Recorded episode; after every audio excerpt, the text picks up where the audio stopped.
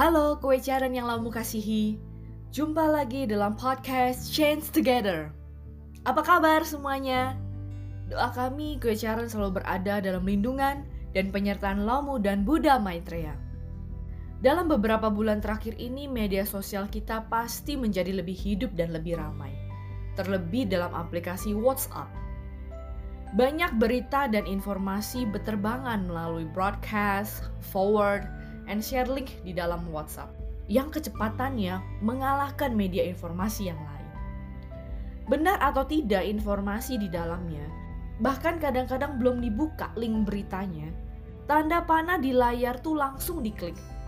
Dan panah tersebut langsung meluncur dengan cepatnya mengalahkan kecepatan cahaya.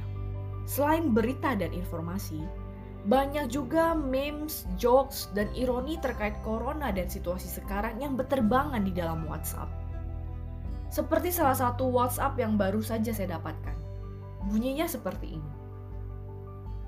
Dunia terbalik tahun 2020. Dulu kasur yang dijemur. Sekarang orang yang dijemur. Dulu padi yang disemprot. Sekarang orang yang disemprot Dulu hewan dikandangkan, sekarang orang yang dirumahkan. Dulu musuh besar yang ditakuti, sekarang yang kecil malah yang ditakuti. Dulu yang di garis depan peperangan itu tentara, belakangnya tim medis. Sekarang tim medis yang di depan membelakangi tentara. Dulu bersatu kita teguh, bercerai kita jatuh. Sekarang Bersatu kita jatuh, bercerai kita utuh. Memang benar saat ini zaman now. Neng omah wae. Atau artinya di rumah saja. Sudah sekarang di rumah saja tidak boleh keluar. Seperti orang yang dipenjara. Eh, malah yang dipenjara sekarang disuruh keluar.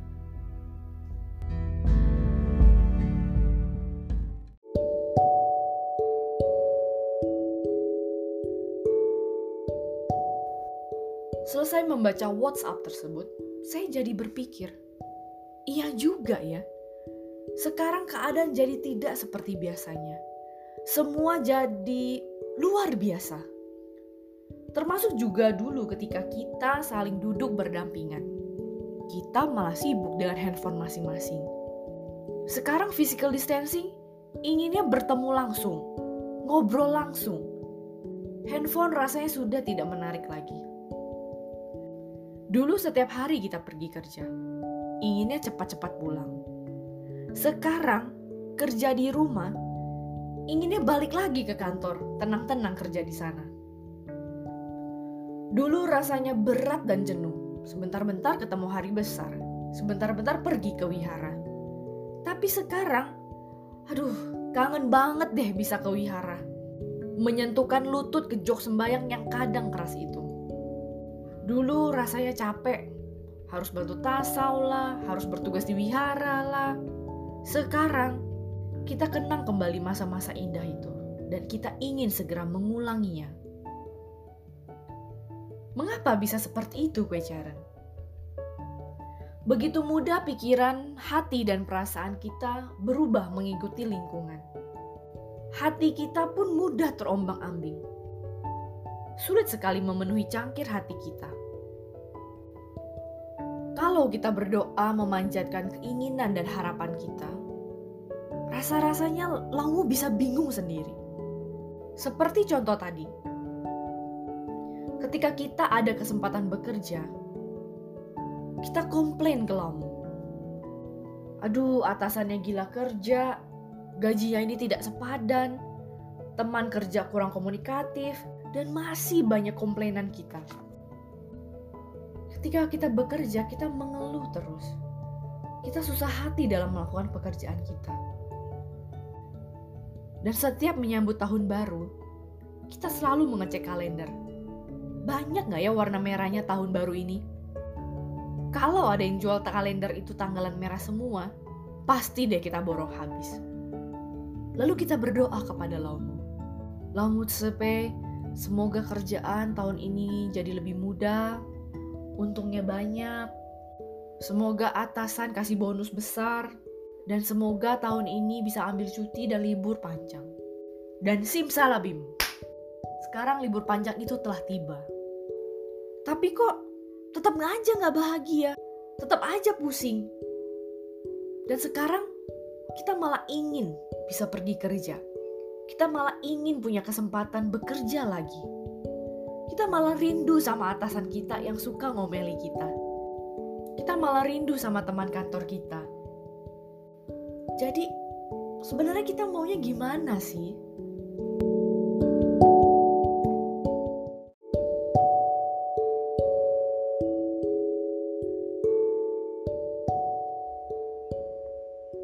Nah, bagi yang kuliah nih, dulu malas-malasan berangkat ke kampus. Kita banyak mengeluh, ya panas lah, hujan, becek, nggak ada ojek, tugasnya bejibun. Ke kampus raganya saja, lalu kita isi absen dan cepat-cepat pulang ke kos.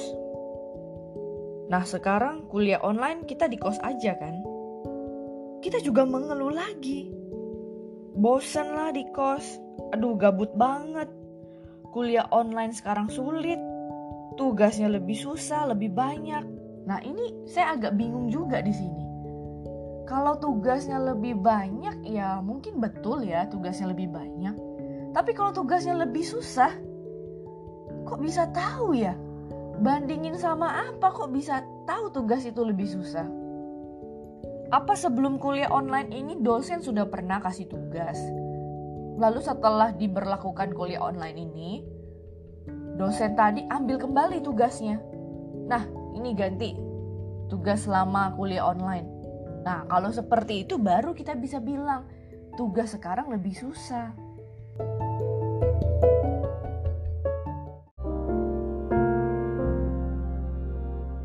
Mungkin sama juga ya dengan kehidupan berumah tangga. Ada nggak ya cerita istri yang komplain ke suaminya? Kamu ini kerja terus, jarang di rumah. Gak ada waktu buat istri dan anak. Nah, sekarang suami di rumah terus kan? Karena work from home. Suaminya malah dimarah-marahin. Dikomplain yang lain lagi. Aduh pusing, masak terus nih kerjanya. Kamu ini banyak requestnya ini, itu, ini, itu. Saya masih harus ngajarin anak, beberes rumah, dan lain sebagainya. Ada nggak ya yang kayak gitu? Semoga nggak ada ya. Ini cerita versi lebaynya aja sih. Jadi kewajaran hidup ini rasanya serba salah ya. Semua rasanya tidak ada yang sesuai dengan harapan kita. Pokoknya ada aja yang nggak beres. Sebenarnya yang tidak beres itu lingkungan atau hati kita. Sebenar-benarnya yang salah itu hidup ini atau pola pandang kita. Dan apa benar dunia itu sudah terbalik? Atau mungkin dunia ini sebenarnya sedang kembali ke posisinya semula? Di mana kita bisa mendapat jawaban pertanyaan-pertanyaan tadi? Jangan tanyakan pada rumput yang bergoyang ya. Tapi coba tanyakan ke dalam diri kita Coba sekarang kita menghadapi diri kita sendiri. Tutup mata kita dan lihat jauh ke dalam diri. Hari ini, detik ini, saya masih bisa bernafas. Menghembuskan udara keluar dari paru-paru dan menarik kembali udara masuk. Sedangkan di luar sana, saya tahu banyak yang sudah tidak punya kesempatan menarik lagi udara masuk. Apakah saya ada benar-benar bersyukur? Ada setitik rasa syukur itu. Ada terucap xie lamut sepe, bahkan dalam hati saya yang paling dalam sekalipun. Ada tidak?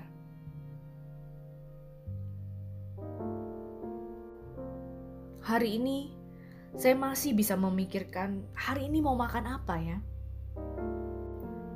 Sedangkan saya tahu saudara saya di luar sana banyak, banyak sekali yang memikirkan hari ini bisa makan tidak. Adakah doa syukur dari hati saya sebelum memulai makan? Ada tidak saya mengangkat piring itu dengan perlahan, dengan hening, dengan tulus ikhlas mengucap syukur? Ada tidak? Hari ini saya masih bisa ditegur atasan karena saya salah dan saya harus memperbaiki kesalahan tersebut. Sedangkan di luar sana, banyak yang tidak punya kesempatan memperbaiki kesalahannya. Tak ada kesempatan untuk membuktikan diri kalau dia bisa. Ada tidak saya bersyukur bahwa saya masih ada pekerjaan? Ada tidak saya bersyukur bahwa saya punya atasan yang bisa mengkoreksi saya? bisa memperbaiki diri saya? Ada tidak?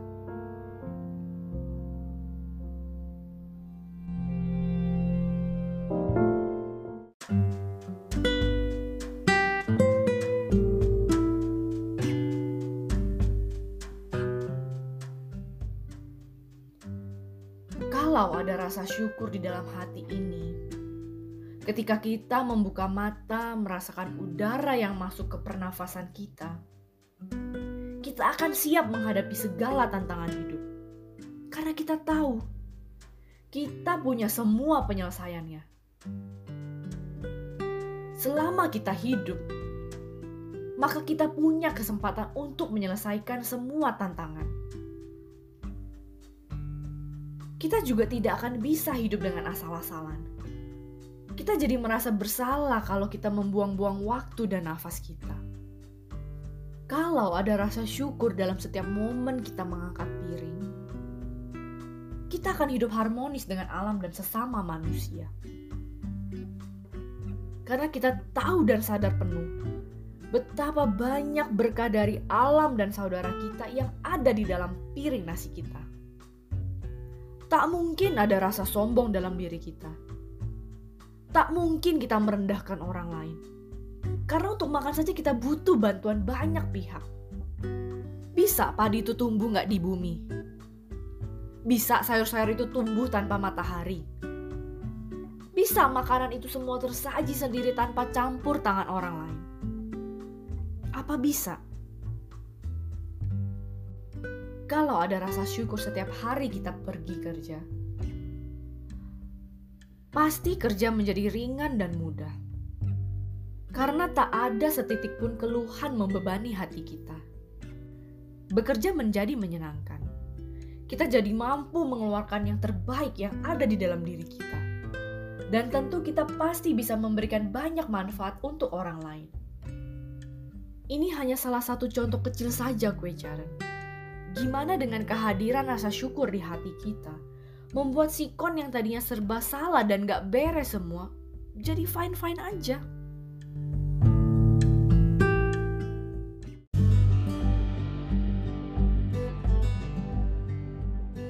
Gue Jaran yang lo mau kasihi. Hidup itu sebenarnya gak salah. Cuma selama ini mungkin kita yang belum betul memaknai hidup. Bukan sekeliling kita yang gak beres, tapi hati kita yang ruwet belum selesai diberesi. Dan dunia ini sebenarnya tidak terbalik. Kita yang selama ini balik badan dengan sombongnya. Masa-masa ini adalah masa yang tepat bagi kita untuk melihat ke dalam diri kita dan membalik badan kita. Coba kita temukan rasa syukur di dalam hati kita. Dan perlu kita sadari bahwa tidak ada yang abadi di dunia ini. Setiap situasi dan kondisi pasti ada hikmah dan pelajaran yang bisa kita petik dan kita syukuri. Coba kita cari kesabaran di dalam diri kita. Kondisi sekarang pasti akan berlalu. Setiap kesulitan tidak akan berlangsung selamanya. Sama halnya dengan kebahagiaan. Karena itu kue di masa sulit ini bersabarlah. Hargailah hari ini. Hargailah waktu sekarang. Mari kue Charen, kita ubah kacamata kita dalam melihat hidup. Kita buang semua hal-hal negatif dan keluh kesah kita. Kita tata dan mantapkan hati kita dalam menjalani hidup ini. Kita perbanyak rasa syukur kita. Selaraskan juga jiwa dan raga kita untuk hidup yang harmonis dan bahagia. Dan yakinlah kue Sharon, kita tidak akan pernah sendirian. Kasih Laumu dan Buddha Maitreya senantiasa menuntun kita.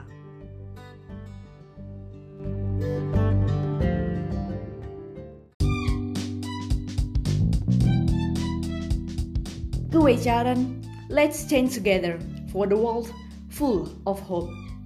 Laumut Sepe, Milovot Sepe, Kewecaran dan keluarga dapat bersatu hati, berteguh iman, berjiwa kasih, saling mendukung, dan sukses bersama melewati segala ujian dan bencana. Laumu dan Buddha Maitreya memberkati kewecaran semua. Sampai jumpa di podcast Change Together selanjutnya.